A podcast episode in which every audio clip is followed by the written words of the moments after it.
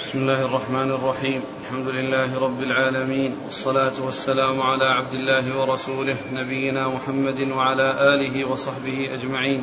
أما بعد فيقول الإمام الحافظ أبو عبد الله بن ماجه القزويني رحمه الله تعالى يقول في سننه باب التوقي في العمل.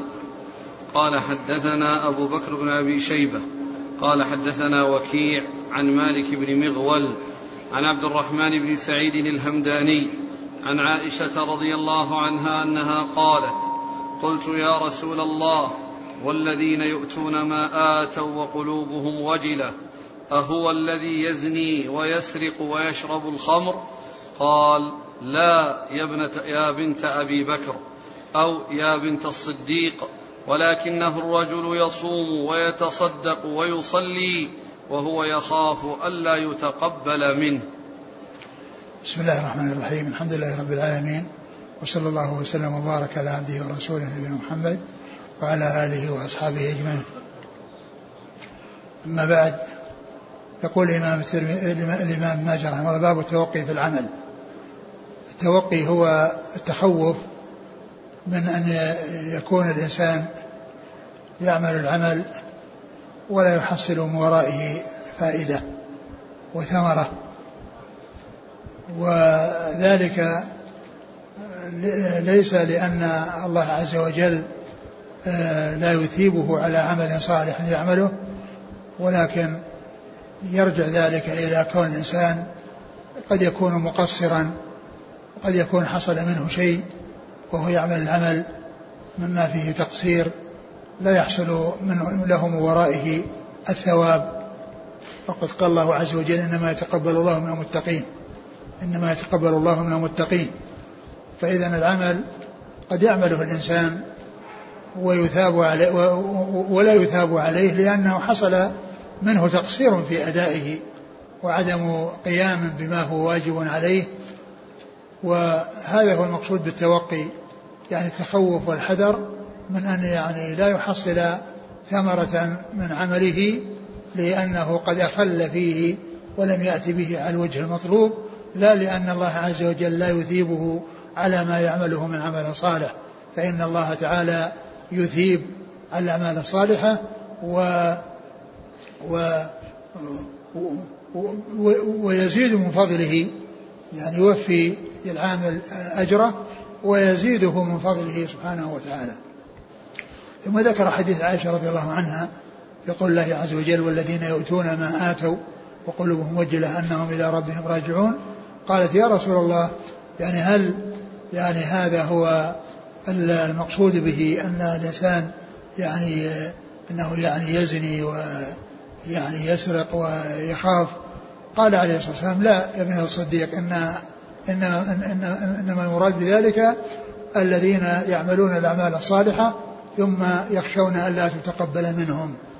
يعملون الأعمال الصالحة ويخشون ألا تتقبل منهم يعني لتقصيرهم لا لأن الله عز وجل آه، لا يثيب من عمل صالحا على عمله وإنما قد يكون تخلف الثواب بسبب يرجع إلى الإنسان وهو التقصير وعدم القيام بالواجب أو بوجود شيء يقتضي آه، عدم قبول العمل يقتضي عدم قبول العمل قال إنهم اناس يعني يعملون الأعمال الصالحة ويخشون أن لا يتقبل منهم بمعنى أنهم يعتبرون أنفسهم عندهم تقصير وأنهم عندما يعملون الأعمال فهم يخشون أن لا تتقبل آه، من أجل أمر يرجع إلى أنفسهم لا من أجل أن الله يخلف الوعد في آه، من يعمل العمل الصالح أن الله تعالى يذيبه.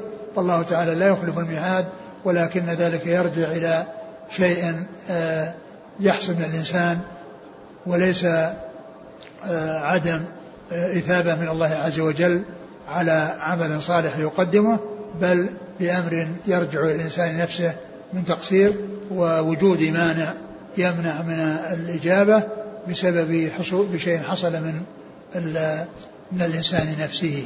نعم. قال حدثنا أبو بكر بن أبي شيبة. ثقة أخرج أصحاب كتب الترمذي. عن وكيع. ابن الجراح ثقة أخرج أصحاب الكتب. عن مالك بن مغول. وهو ثقة أخرج أصحاب الكتب. عن عبد الرحمن بن سعيد الهمداني. وهو ثقة وعن البخاري المفرد ومسلم والترمذي بن ماجه. نعم. عن عائشة. عن عائشة أم المؤمنين رضي الله عنها وأرضاها الصديقة بنت الصديق وهي ممن أكثر الرواية عن رسول الله صلى الله عليه وسلم. قال حدثنا عثمان بن إسماعيل بن عمران الدمشقي قال حدثنا الوليد بن مسلم قال حدثنا عبد الرحمن بن يزيد بن جابر قال حدثني أبو عبد رب قال سمعت معاوية بن أبي سفيان رضي الله عنهما يقول سمعت رسول الله صلى الله عليه وعلى آله وسلم يقول إنما الأعمال كالوعاء إذا طاب أسفله طاب أعلاه وإذا فسد أسفله فسد أعلاه. ثم ذكر هذا الحديث عن معاوية رضي الله عنه. النبي صلى الله عليه وسلم قال إنما الأعمال كالوعاء. إذا صلح أسفله صلح أعلاه. وإذا فسد أسفله فسد أعلاه. يعني بمعنى أن أن الأعمال الصالحة يعني هذا وصفها وهذه آه، صفة التي آه، يعني آه، مثل بها. يعني يكون كونها تكون صالحة. أو غير صالحة فإنه إذا كان أسفله صالحا الوعاء فإن ذلك يعني يسري إلى أعلاه لأن أسفله هو الأساس. فإذا كان الأساس يعني سليما فإن ما يتبعه وما يأتي وراءه يكون سليما. وإذا كان العكس بأن يكون الأساس سيئا فإن ما يتفرع عنه وما ينتج عنه يعني يكون سيئا. نعم. قال حدثنا عثمان بن إسماعيل بن عمران الدمشقي. هو؟ مقبول اخرج له ابن ماجه. نعم. عن الوليد بن مسلم. ثقة أخرج أصحاب الكتب. عن عبد الرحمن بن يزيد بن جابر. وهو ثقة أخرج له. أصحاب الكتب. نعم. عن أبي عبد رب. وهو؟ مقبول أخرج له ابن ماجه. نعم. عن معاوية بن أبي سفيان. رضي الله تعالى عنهما. وقد أخرج حديثه أصحاب الكتب الستة. قال حدثنا كثير بن عبيد الحمصي قال حدثنا بقية عن ورقاء بن عمر قال حدثنا عبد الله بن ذكوان أبو الزناد عن الأعرج عن أبي هريرة رضي الله عنه أنه قال قال رسول الله صلى الله عليه وسلم إن العبد إذا صلى في العلانية فأحسن وصلى في السر فأحسن. قال الله عز وجل هذا عبدي حقا. ثم ذكر هذا الحديث عن أبي هريرة. أبي هريرة رضي الله عنه أن النبي صلى الله عليه وسلم قال قال الله عز وجل إذا إذا إن العبد إذا صلى في قال عليه الصلاة قال عليه الصلاة والسلام إن العبد إذا صلى في العلانية فأحسن. فأحسن وصلى في السر فأحسن. قال الله عز وجل هذا عبدي حقا. قال الله عز وجل هذا عبدي حقا.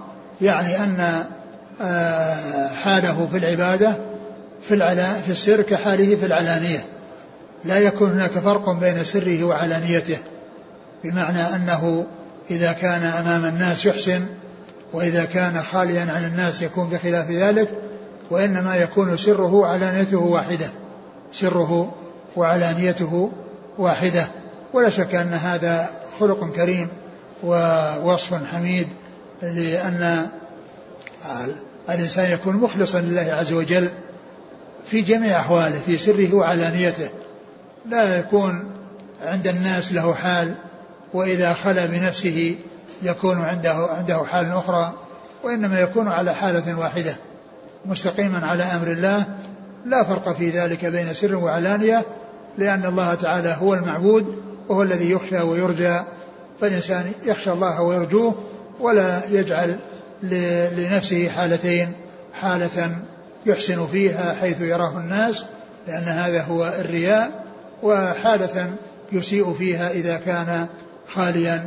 والله تعالى مطلع عليه في سره وعلانيته فعليه أن يكون كذلك دائما وأبدا. يوم قال هذا عبدي حقا يعني أن هذا الذي هذا وصفه يعني أنه آآ آه، آآ آه، يعني أتى بالعبودية الحقة لله عز وجل وهو أنه يعبده سرا وجهرا ويعني سرا وعلانية وأنه ليس له أحوال متنوعة في في السر له حال وفي العلانية له حال. والحديث في إسناده بقية بن وليد وهو مدلس وقد روى بالعنعنة. نعم. قال حدثنا كثير بن عبيد الحمصي. هو؟ ثقة أبو داود والنسائي بن ماجه. نعم. عن بقية. وهو صدوق أخرج حديث البخاري تعليقا ومسلم وأصحاب السنة. عن ورقاء بن عمر. وهو؟ صدوق في أصحاب الكتب. نعم. عن عبد الله بن ذكوان أبي الزناد. وهو ثقة أخرج أصحاب الكتب. عن الأعرج. وهو عبد الرحمن بن هرمز. ثقة أخرج أصحاب الكتب. عن أبي هريرة. عبد الرحمن بن صخر الدوسي رضي الله عنه أكثر الصحابة حديثا. قال حدثنا عبد الله بن عامر بن زرارة وإسماعيل بن موسى قال حدثنا شريك بن عبد الله عن الأعمش عن أبي صالح عن أبي هريرة رضي الله عنه أنه قال قال رسول الله صلى الله عليه وعلى آله وسلم قاربوا وسددوا فإنه ليس أحد منكم بمنجيه عمله قالوا ولا أنت يا رسول الله قال ولا أنا إلا أن يتغمدني الله برحمة منه وفضل. ثم ذكر هذا الحديث عن عن أبي هريرة. عن أبي هريرة أن النبي صلى الله عليه وسلم, صلى الله عليه وسلم قال قاربوا وسددوا. قاربوا وسددوا. المقاربة هو الاعتدال والتوسط في الأمور يعني من غير آه، آه، إفراط ولا تفريط. فلا يكون الإنسان مقصرا مهملا ولا يكون متجاوزا للحدود يعني لا إفراط ولا تفريط وإنما اعتدال وتوسط في الأمور بين الإفراط والتفريط. والشيطان يأتي إلى الإنسان من أحد هذين الطرفين فإن رأى, فإن رأى عنده يعني تقصيرا وإقبالا على الشهوات وعدم إقدام على العبادة يأتيه عن طريق التثبيط والتهوين وتزيين الشهوات له حتى يقصر في العبادة أو حتى يغفل عن العبادة. وإن رآه مقبلا على العبادة ومتجها إليها وحريصا عليها جاءه عن طريق الغلو والزيادة وأنه يزيد يعني على ذلك يعني حتى يتجاوز الحد وأنه يتجاوز الحد. وقد يكون يعني هذا التجاوز يؤدي إلى الملل وإلى الترك. ولهذا النبي صلى الله عليه وسلم قال أحب العمل إلى الله ما داوم عليه صاحبه وإن قل. أحب العمل إلى الله ما داوم عليه صاحبه وإن قل. والمقصود بذلك النوافل. وأما الفرائض فهذه لازمة لكل أحد. يعني لا يعذر أحد في, في ترك شيء منها. الفرائض لازمة. والاتيان بها متعين. ولكن الشيء الذي فيه التنافس وفيه التقصير وفيه الزيادة وفيه المجاوزة للحد وفيه الاعتدال هو النوافل. ولهذا قال عليه الصلاة والسلام أحب العمل إلى الله ما داوم عليه صاحبه وإن قل. يعني أن قليلا تداوم عليه خير من كثير تنقطع عنه. قليل تداوم عليه خير من كثير تنقطع عنه. لأن الإنسان إذا داوم على الشيء القليل فإنه يكون دائما على صلة بالله سبحانه وتعالى. وإذا حصل له يعني موت يموته على عمل صالح ملازم له ومداوم عليه. أما الإنسان الذي يقدم على العبادة في وقت ويهمل في أوقات فقد يأتيه الأجل وهو في حال الإهمال. يأتيه الأجل وهو في حال الإهمال. وإنما عليه أن يكون آه، آه، ملازما الاتيان بالفرائض ويأتي بما أمكنه من النوافل مع المداومة على ذلك. مع المداومة على ذلك. قال سددوا قاربوا وسددوا. يعني أن أنكم التزموا هذا الوسط وهذا السداد الذي هو الاعتدال يعني في, في, في, في, في, في الأمور وعدم الإفراط والتفريط. قال فإنه لن ينجي فإنه قال قاربوا وسددوا فإنه ليس أحد منكم ينجيه عمله. قالوا ولا أنت يا رسول الله؟ قال ولا أنا إلا أن يتغمدني الله برحمة منه وفضل. فإنه لا ينجيه عمله. يعني أن عمل الإنسان لا يعتمد عليه الإنسان يعتمد على فضل الله وعلى إحسانه وجوده وكرمه. هذا هو الذي يعول عليه الإنسان. لأن العمل لو وكل إليه الإنسان فإن وحوسب على كل النعم التي أنعم بها عليه. يعني يصير عنده تقصير وعنده عدم القيام بما أوجب الله عليه عز وجل من النعم.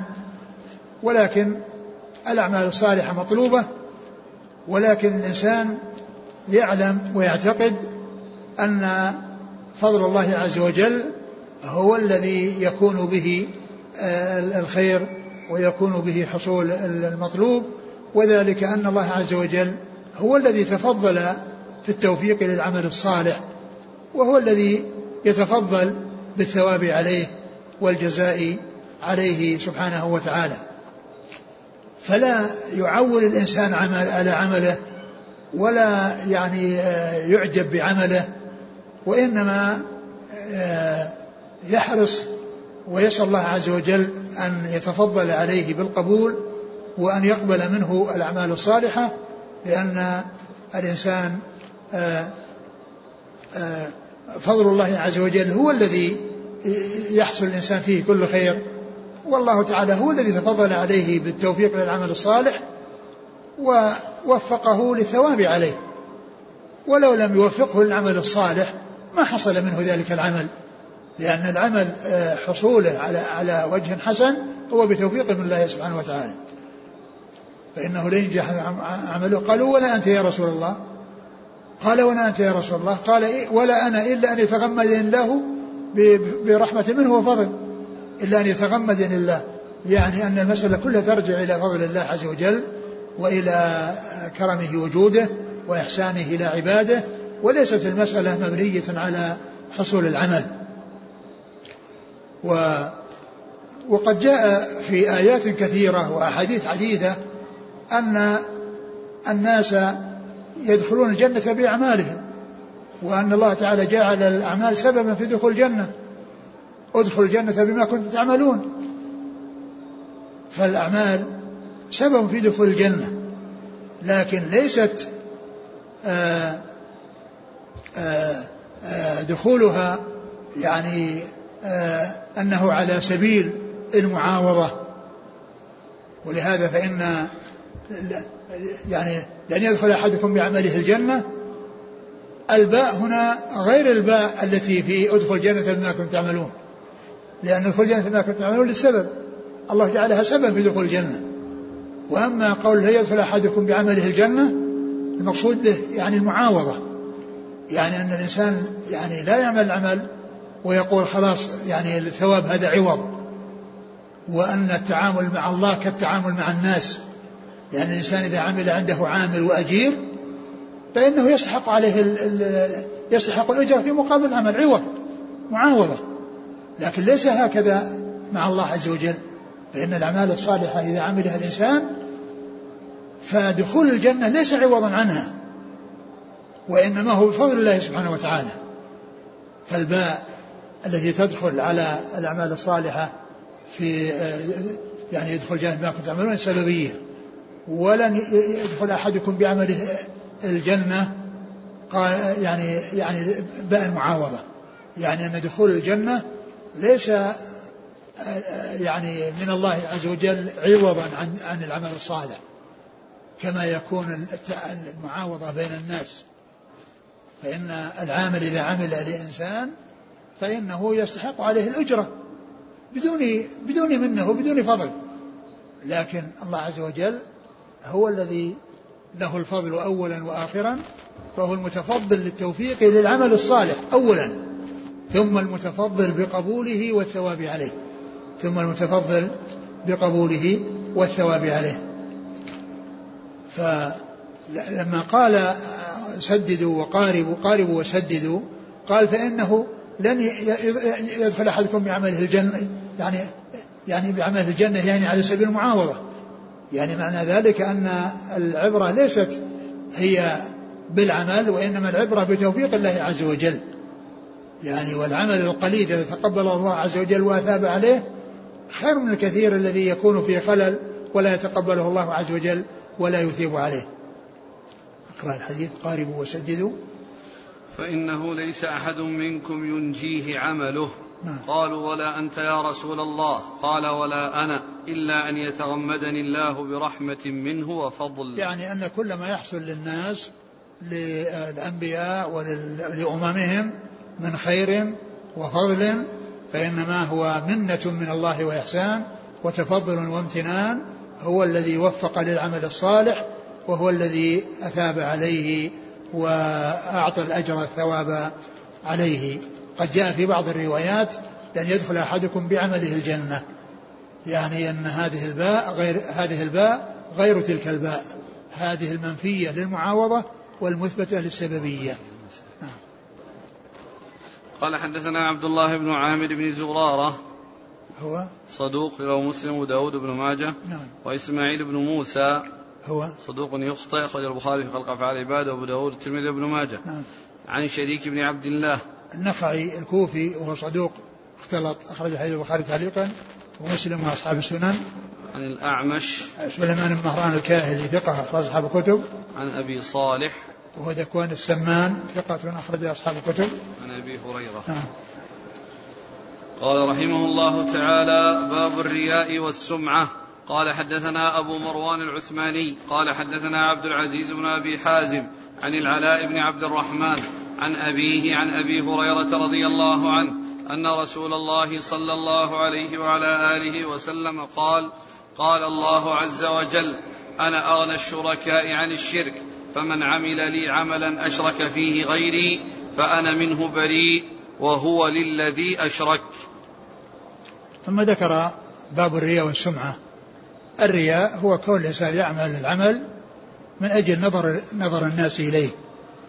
يعني يعني يحسن العمل من أجل أن, أن من أجل أن الناس ينظرون إليه فيمدحونه ويثنون عليه ويقولون هذا كذا وهذا كذا.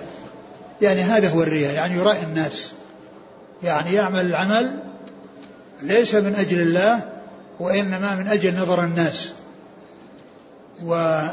والرغبة في ثناء الناس ومدح الناس.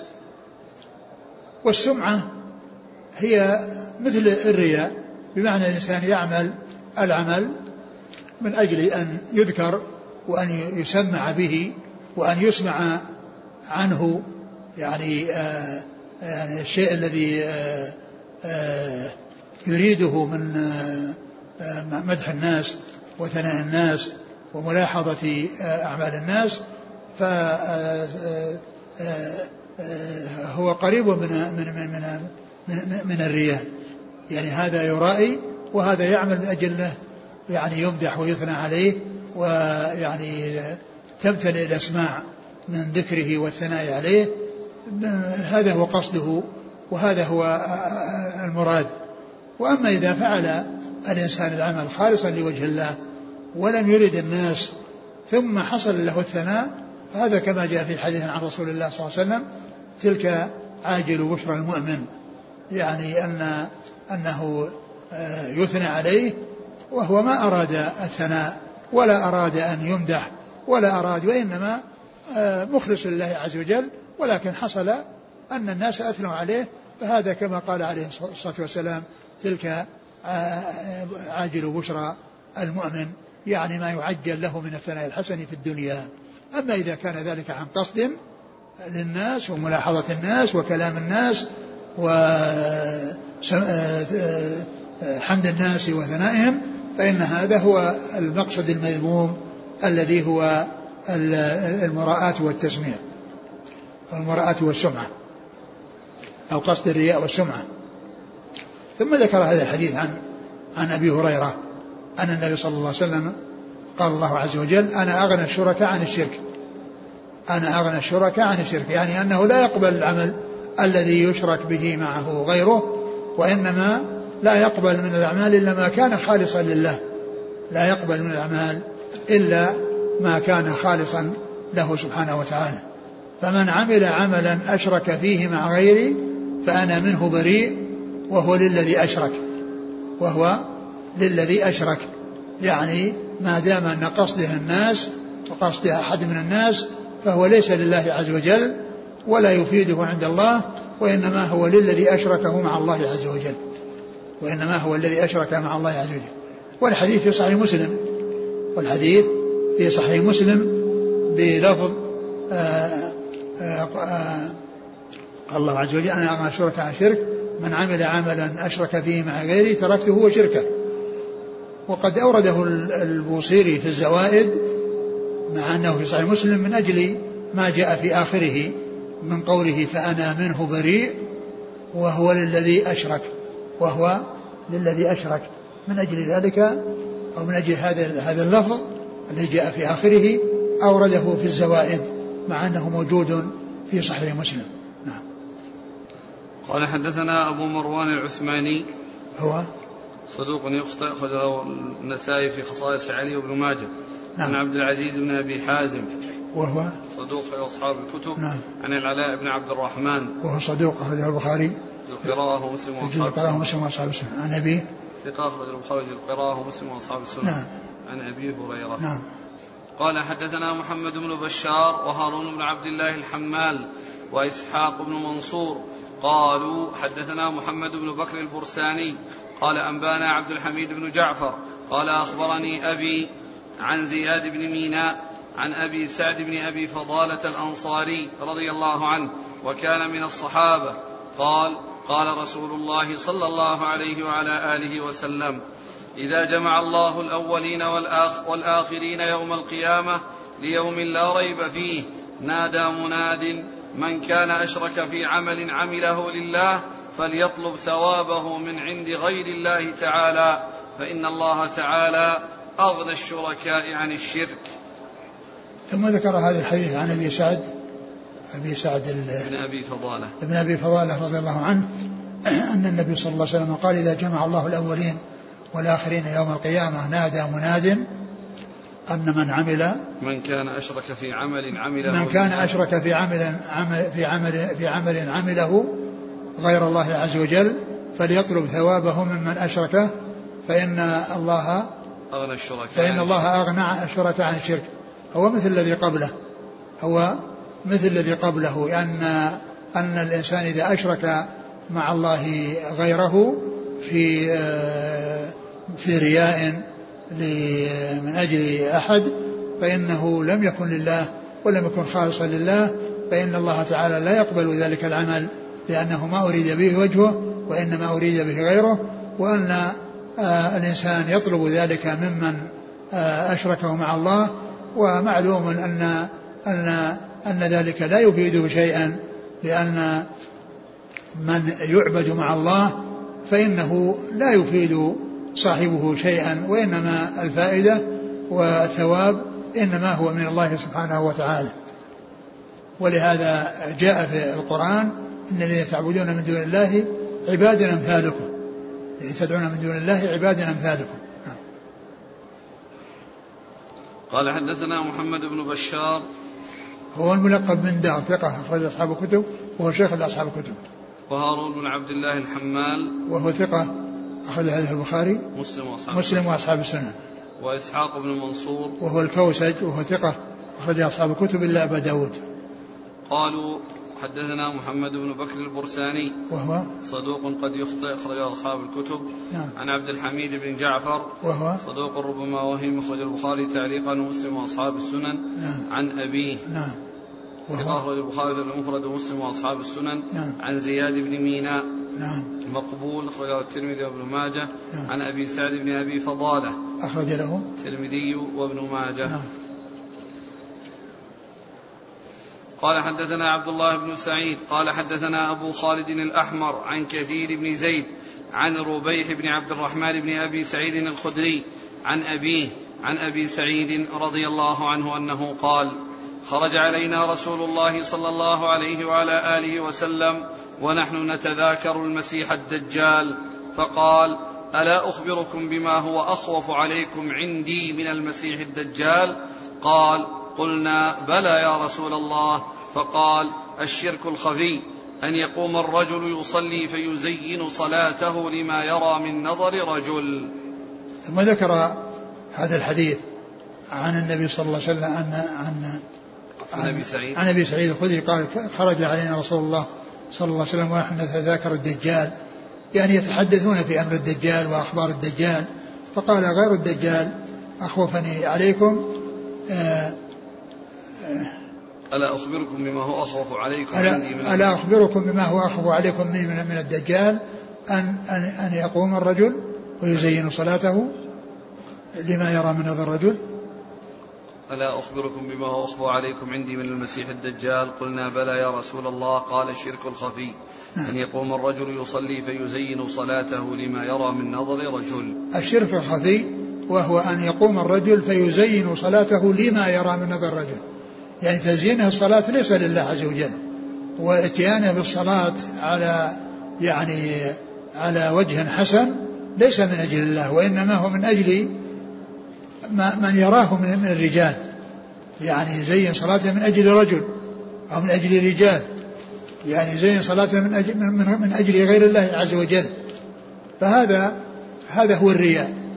وأطلق عليه الشرك الخفي لأن الإنسان يعني آه، آه، في في قرارة نفسه وفي آه، باطن أمره يعمل هذا العمل هو في الظاهر لله عز وجل ولكن بنيته وبقصده يريد به غير الله سبحانه وتعالى. وقال إن هذا أخوف عليه من الدجال يعني هذا بالنسبة للخاصة لأن فتنة الدجال فتنة عامة فتنة عامة وأما هذا فهو من الفتن الخاصة الذي يكون الإنسان يعني يصلي لله عز وجل ولكنه لا يخلص لله عز وجل في صلاته وإنما يريد غير الله عز وجل بصلاته يعني آه، يحسنها ويأتي بها على الوجه الذي ينبغي ليس من أجل الله وإنما من أجل غير الله سبحانه وتعالى. قال حدثنا عبد الله بن سعيد هو الأشج وهو ثقة أخرج أصحاب الكتب وهو شيخ لأصحاب الكتب. عن أبي خالد الأحمر. وهو صدوق أخرج أصحاب الكتب. عن كثير بن زيد. وهو؟ صدوق يخطئ أخرج البخاري القراءة وأبو داود الترمذي بن ماجه. نعم. عن ربيح بن عبد الرحمن. وهو؟ مقبول أخرج أبو داود الترمذي في الشمائل وابن ماجه. نعم. عن أبيه. عبد الرحمن بن أبي سعيد وهو؟ ثقة أخرج البخاري تعليقا ومسلم وأصحاب نعم. السنن. عن أبي سعيد. عن أبي سعيد سعد بن مالك بن سنان رضي الله عنه أحد السبعة المكثرين من حديث رسول الله صلى الله عليه وسلم.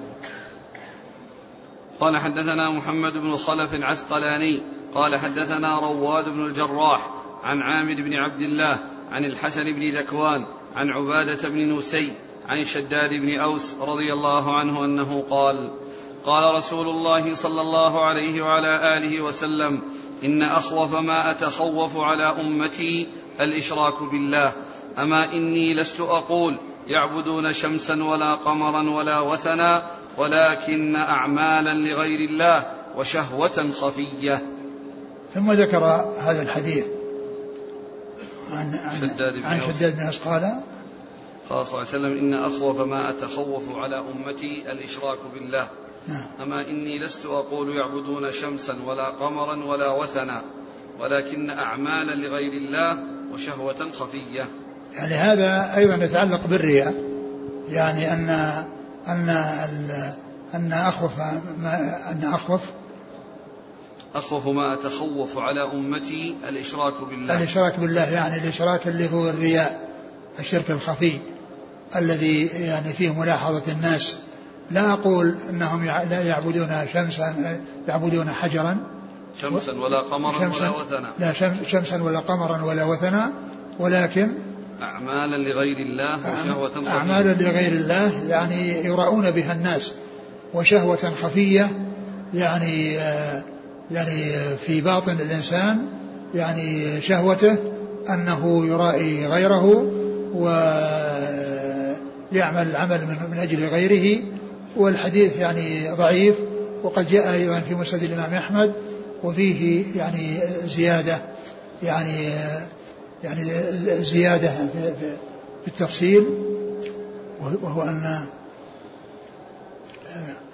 جاء في مسند الإمام أحمد يعني ما يوضح ذلك عبارة يعني كيف شيء؟ أقول عبارة جاءت في أظنها ذكرها في عند أحد الكتب العبارة التي جاءت في مسند أحمد؟ إيه. عبارة يعني ذكرها بعض ال بعض الكتب هذه اللي معكم. قيل وما الشهوة الخفية؟ قال يصبح العبد صائما. نعم. فيعرض له شهوة من شهواته نعم يعني يصبح الرجل صائما يعني معلوم يعني نافل نافلة فيعرض له شهوة يعني فيترك الصيام. لأنه يعني يحرص على الدنيا وعلى التلذذ بها والتنعم بها يعني فهو يصوم ولكنه إذا وجد شيئا يعني يعجبه فإنه يترك صيامه. والحديث عند الإمام أحمد مع هذه الزيادة وعند غيره بهذه بدون هذه الزيادة هو ضعيف وفيه يعني عدد متكلم فيهم نعم. قال حدثنا محمد بن خلف العسقلاني. هو؟ صدوق له النساء بن ماجه. نعم. عن رواد بن الجراح. وهو؟ صدوق اختلط فترك. أخرجه نعم. ابن ماجه. نعم. عن عامر بن عبد الله. وهو مجهول؟ أخرجه ابن ماجه. نعم. عن الحسن بن ذكوان. وهو؟ صدوق يخطئ. أخرجه نعم. البخاري وأبو داود والترمذي وابن ماجه. نعم. عن عبادة بن نسي. وهو؟ أخرجه أصحاب. ثقة أخرجه أصحاب السنن. نعم. عن شداد بن أوس. رضي الله عنه أخرج له. أصحاب الكتب. نعم.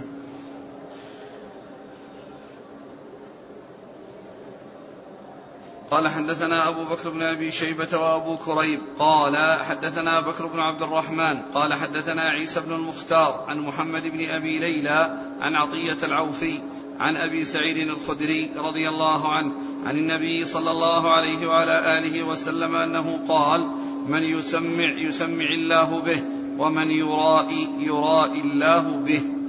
ثم ذكر هذا الحديث عن أبي سعيد الخدري رضي الله عنه أن النبي صلى الله عليه وسلم قال من يسمع يسمع الله به. يعني أن من يسمع يعني يحصل منه العمل من أجل السمعة. فإن الله يسمع به يعني يعني على رؤوس الأشهاد يفضحه جزاء وفاقا. يعني فهو سمع فيجازى بأن يسمع به. سمع يعني عمل عمل عملا من أجل أن من أجل أن يذكر ومن أجل أن يثنى عليه. فالله تعالى يسمع به بمعنى أنه يفضحه على رؤوس الأشهاد يوم القيامة. ومن يرائي يرائي الله به يعني أنه يجازيه بأن يظهر ذلك في الدار الآخرة ويظهر للناس أن أن هذا الذي عمله في الدنيا من عمل صالح إنما أراد به الناس ولم يرد به الله عز وجل. قال حدثنا أبو بكر بن أبي شيبة وأبو كريب أبو كريب محمد بن العلاء بن كريب ثقة أخرج أصحاب الكتب وهو شيخ لأصحاب الكتب. عن بكر بن عبد الرحمن. عن؟ بكر بن عبد الرحمن. وهو؟ ثقة أخرج أبو داود والنسائي بن ماجه. نعم. عن عيسى بن المختار. وهو؟ ثقة أخرج أبو داود والنسائي بن ماجه. نعم. عن محمد بن أبي ليلى. وهو ضعيف. صدوق سيء الحفظ جدا أخرجه أصحاب السنن. عن عن عطية عطية العوفي. نعم. صدوق يخطئ كثيرا نعم. أخرجه البخاري المفرد وأبو داود والترمذي وابن ماجه. نعم. عن أبي سعيد الحديث ضعيف الإسناد ولكنه صحيح المتن. ضعيف الإسناد وصحيح المتن والذي بعده يعني شاهد له.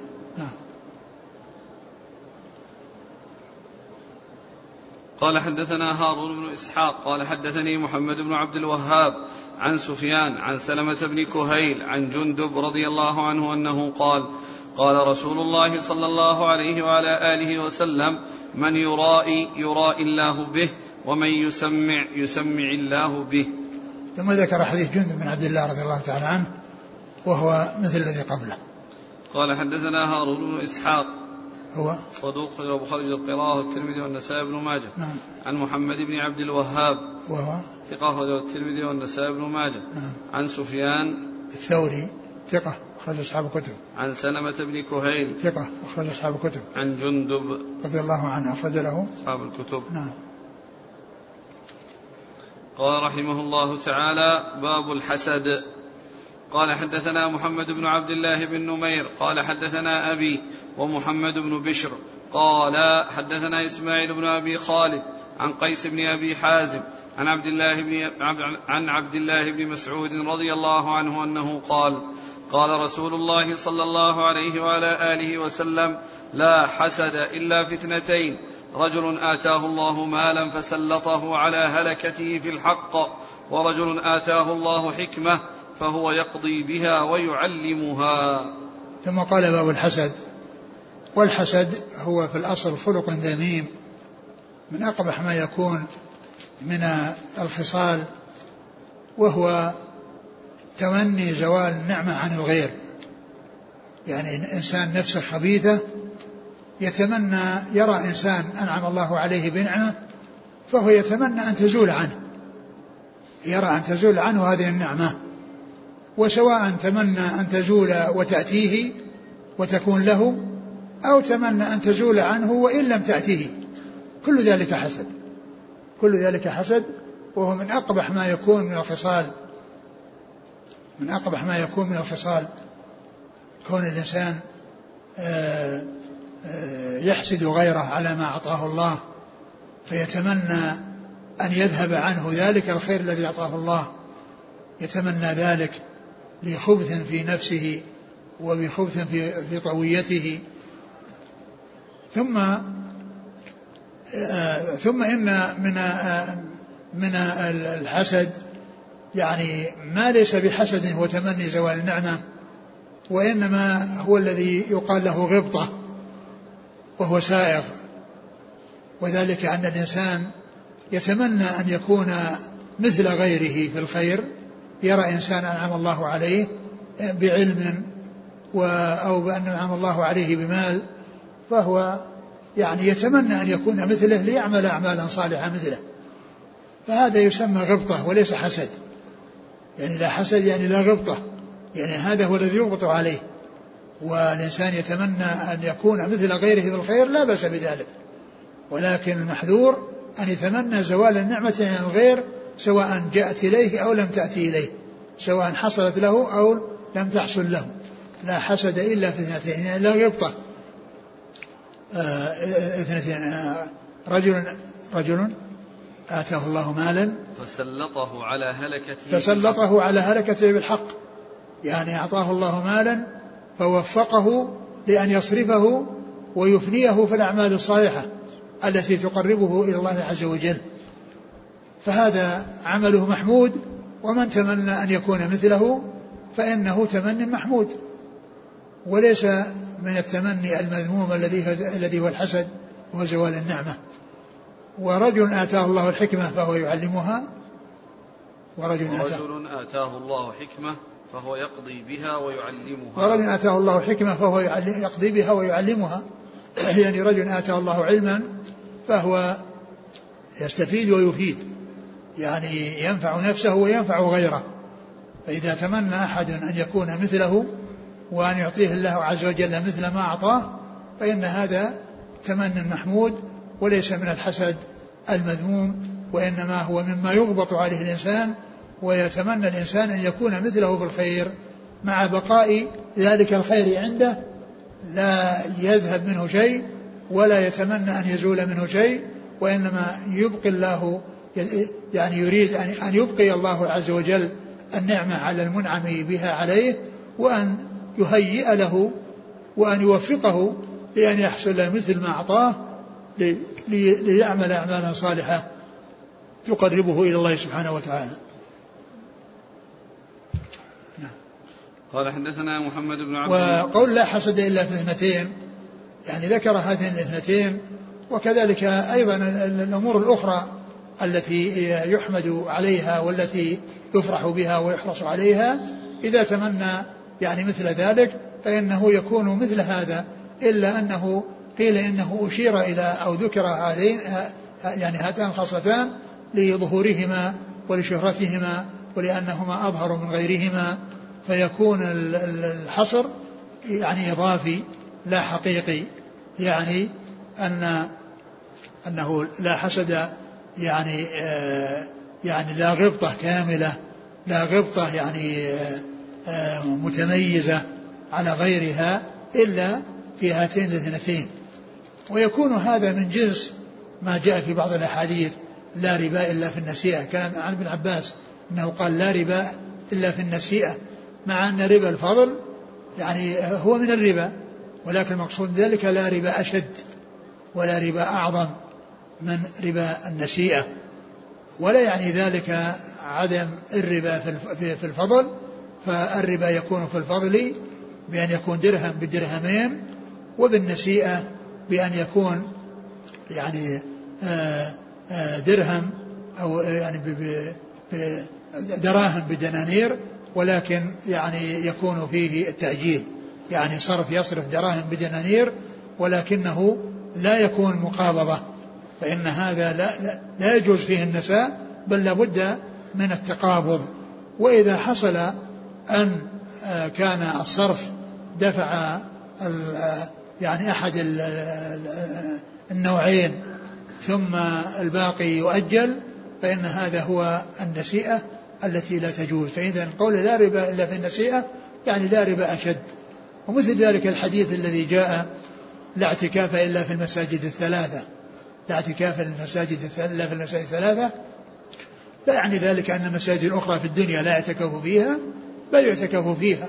ولكن المقصود من ذلك لا اعتكاف أفضل لا اعتكاف أفضل وأميز من غيره إلا ما كان في المساجد الثلاثة فإنه الاعتكاف فيهما متميز لأنها متميزة على غيرها لأنها متميزة على غيرها.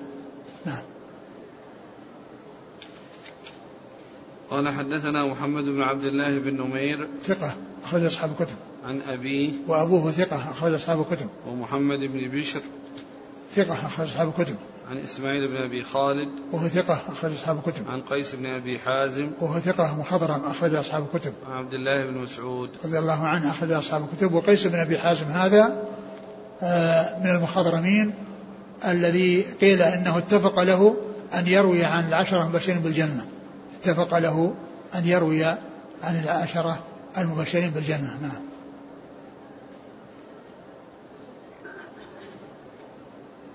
قال حدثنا يحيى بن حكيم ومحمد بن عبد الله بن يزيد. قال حدثنا سفيان عن الزهري عن سالم عن أبيه رضي الله عنه أنه قال قال رسول الله صلى الله عليه وسلم لا حسد إلا في اثنتين. رجل آتاه الله القرآن فهو يقوم به آناء الليل وآناء النهار ورجل آتاه الله مالا فهو ينفقه آناء الليل وآناء النهار. ثم ذكر يعني هذا الحديث حديث ابن عمر. حديث ابن عمر رضي الله تعالى عنهما وهو مثل الذي قبله لأن هناك قال الحكمة وهنا قال القرآن. نعم. قال حدثنا يحيى بن حكيم هو ثقة أخرج أبو داود والنسائي بن ماجه. نعم. ومحمد بن عبد الله بن يزيد. وهو المقري. وهو نعم. محمد بن عبد الله بن يزيد. ثقة. نعم خرج له النسائي بن ماجه. نعم. عن سفيان عن الزهري. سفيان هو بن عيينة. وهو ثقة. أخرج أصحاب الكتب. والزهري محمد مسلم بن عبيد الله. ثقة. أخرج أصحاب الكتب. عن سالم عن سالم. بن عبد الله بن عمر. وهو ثقة فقيه. أخرج أصحاب الكتب عن أبيه عبد الله بن عمر رضي الله عنهما وهو أحد العبادلة الأربعة من الصحابة وأحد السبعة المكثرين من حديث رسول الله صلى الله عليه وسلم. قال حدثنا هارون بن عبد الله الحمال وأحمد بن الأزهر.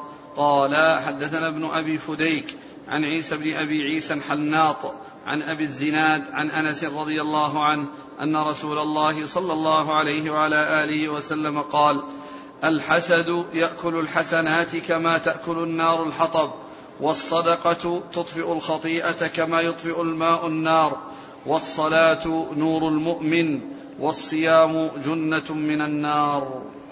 ثم ذكر هذا الحديث عن أنس رضي الله عنه أن النبي صلى الله عليه وسلم قال الحسد يأكل الحسنات كما تأكل النار الحطب يعني أنه لقبحه ولكونه متناهي في السوء فإنه يذهب الحسنات ويزيلها ويأكلها كما تأكل النار الحطب. ف و, و والصدقة والصدقة تطفئ الخطيئة. والصدقة تطفئ الخطيئة كما يطفئ الماء النار. والصلاة نور نور المؤمن و الصيام والصوم جنة. وصوم والصيام جنة من النار. والصوم والصيام جنة من النار. هذا الحديث مشتمل على أربع جمل. الجملة الأولى الحسد يأكل الحسنات كما تأكل النار الحطب. والجملة الثانية أن الصدقة تطفئ الخطيئة كما يطفئ الماء النار. والجملة الثالثة الصلاة نور المؤمن. والجملة الرابعة الصبر الصوم الصيام جنة. الصوم جنة من النار. الجملة الأولى يعني الحديث في إسناده الحناط هذا وهو ضعيف ولكن لبعضه شواهد يعني تدل عليه وهي الثلاثة الأخيرة لكل منها شاهد وهي قوله الصدقة تطفئ الخطيئة كما يطفئ الماء النار. هذا جاء في حديث معاذ بن جبل الطويل الذي سبق أن مر بنا الذي يعني قال سألت عن عظيم وإنه لا يسير على ما يسره الله عليه تعبد الله. ثم قال أدلك على أبواب الخير. الصدقة تطفئ الخطيئة كما يطفئ ماء النار.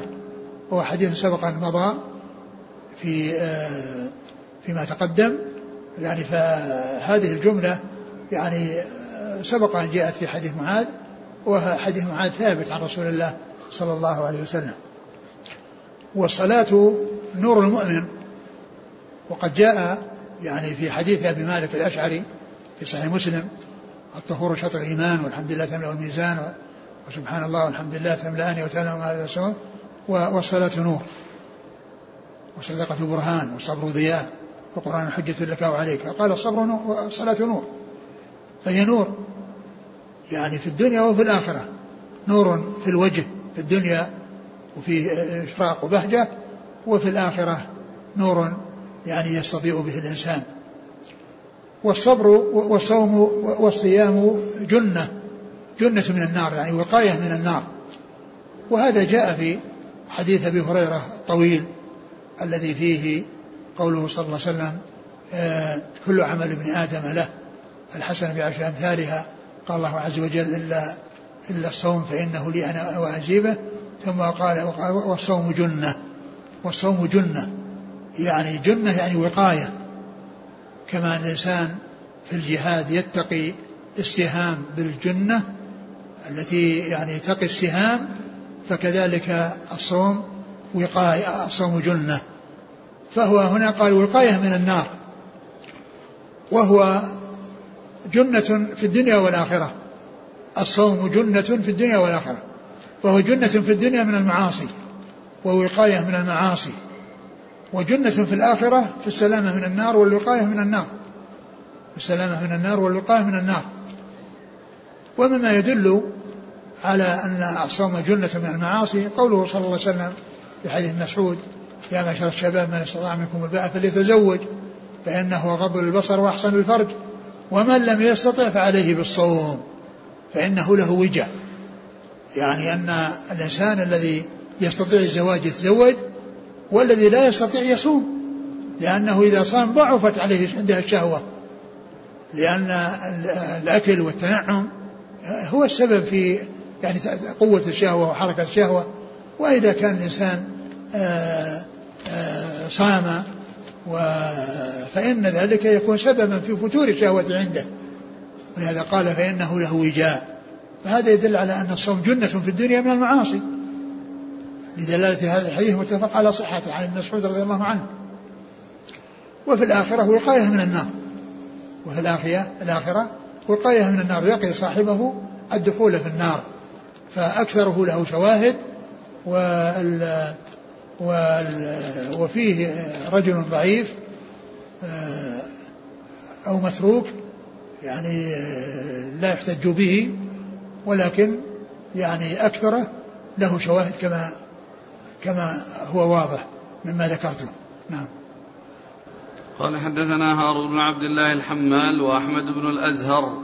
أحمد الأزهر هو؟ صدوق له النسائي بن ماجه. نعم. عن ابن أبي فديك. وهو ثقة. صدوق. وهو صدوق أخرج أصحاب الكتب. عن عيسى بن أبي عيسى الحناط. وهو متروك. رجل ابن ماجه. عن والحناط يعني هو الذي يبيع الحنطة. الحناط. هو الذي يبيع الحنطة ويقال له الخياط لأنه يخيط ويقال له الخباط لأنه يخبط الشجر حتى يسقط منه الورق. قال الحافظ وقد عالج هذه المهن الثلاث. يعني هذه المهن الثلاث حصلت له فهو خباط وحناط وخياط. يعني حرف ثلاث كلها امتهنها أو صارت له مهنة فإذا قيل فيه الخياط فهو صحيح وإذا قيل فيه الخباط فهو صحيح وإن قيل فيه الحناط فهو صحيح. الحناط بيع الحنطة والخباط يعني يخبط الشجر ليسقط الورق حتى تأكله الإبل والخياط الذي يخيط الثياب. عن أبي الزناد عن أنس. أبو الزناد هو عبد الله بن ذكوان ثقة أخرج أصحاب الكتب. عن أنس رضي الله عنه وهو آه، آه، خادم رسول الله عليه الصلاة والسلام وأحد السبعة المكثرين من حديثه. كثيرا ما يأتي أبو الزناد يروي عن آه، عن الأعرج عن أبي هريرة ولكنه هنا يروي عن أنس لأنه من صغار التابعين وأنس من صغار الصحابة لأن أنس من صغار الصحابة وهو من صغار التابعين وصغار التابعين يروون عن صغار الصحابة. وأما في روايته عن أبي هريرة فبينه وبينه واسطة كثيرا ما يأتي بينه وبينه الأعرج عبد الرحمن بن هرمز.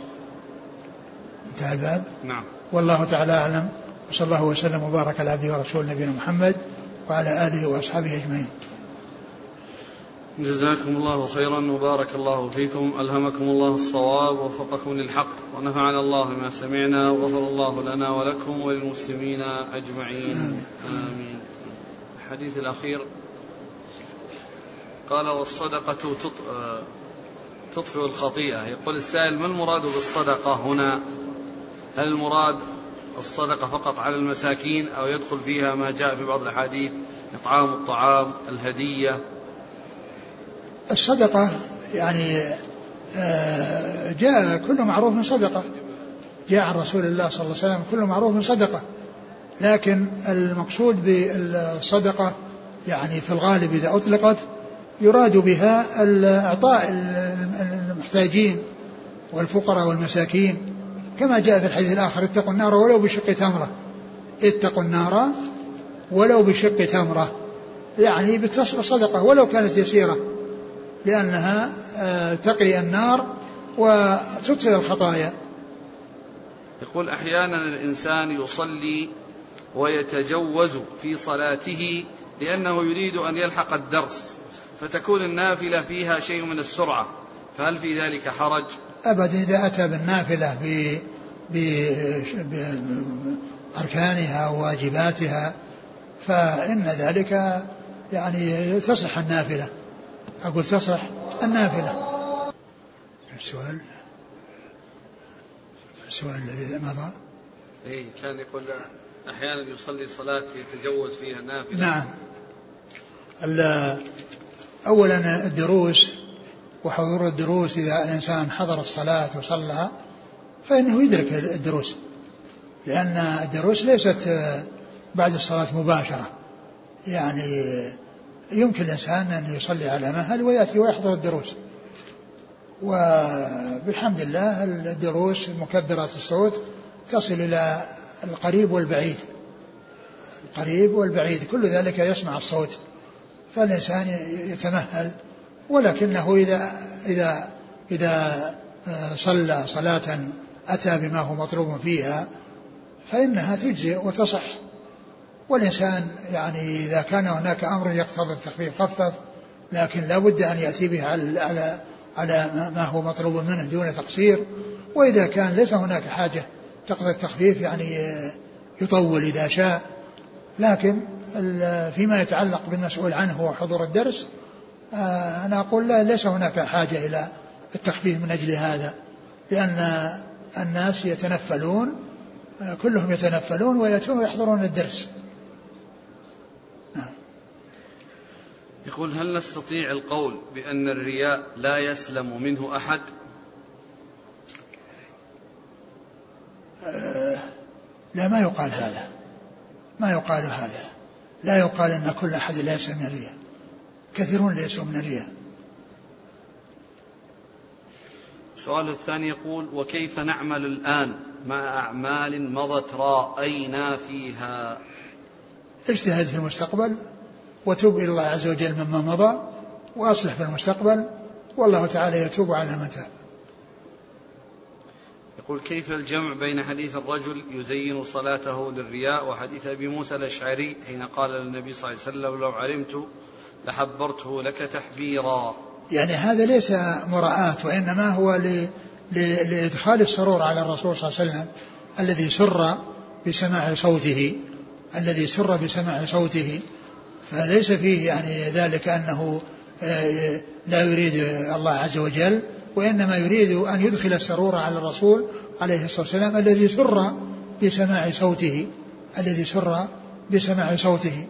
فهذا شيء يعني ليس لرياء ليس رياء والرسول ما أنكر عليه ذلك. وأما الذي أخبر به الرسول صلى الله عليه وسلم هو كل إنسان آه، يتعمد إلى أنه آه، يحسن أعماله من أجل الناس لا من أجل الله. من مات على الشرك الأصغر ولم يتب منه ما حاله؟ يعني بعض العلماء يقول أن الشرك يعذب عليه صاحبه ولكنه لا يخلد في النار. وبعضهم يقول أن الشرك الأصغر مثل مثل المعاصي التي هي تحت المشيئة. يعني وأن أن الإنسان لا يعذب عليها. لكن آه، كلها متفقة على أن الشرك الأصغر أنه لا يخلد صاحبه في النار لا يخلد صاحبه في النار الذي هو الرياء اليسير الذي يطرح على الإنسان. وأما إذا كان الإنسان لا يريد الله عز وجل أصلا وإنما يريد الناس فهذا ما عبد الله هذا عمل للناس ولم يعمل لله عز وجل. يقول كيف الجمع بين لكن الشيء الذنب الذي وصف بأنه شرك أصغر يعني هذا آه، يعني من العلماء من قال إنه يعذب صاحبه ولكن لا يخلد ومنهم من قال إنه مثل المعاصي التي هي تحت المشيئه نعم.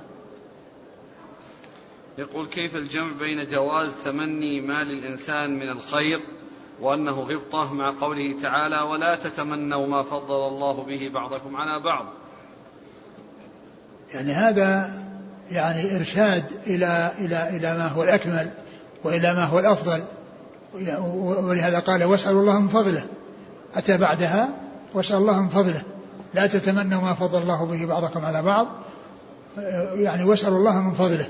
يعني هذا يمكن أن يكون النهي منصب على يعني اللي هو الحسد وأن الناس منهيون عن الحسد وأنهم إذا سألوا الله من فضله أن يعطيهم مثل ما أعطاهم. لأن لأن هذا هذه الآية فيها يعني شاهد للقاعدة المشهورة وهي أن الشريعة إذا قامت إذا سدت بابا فإنها تفتح بابا آخر. أنها تفتح بابا آخر. عندما تسد بابا تفتح بابا آخر. فلما حصل السد الباب في قوله ولا تتمنوا فتح الباب بقوله وسأل الله من فضله. حديث معاوية قال إنما الأعمال كالوعاء إذا طاب أسفله طاب أعلاه.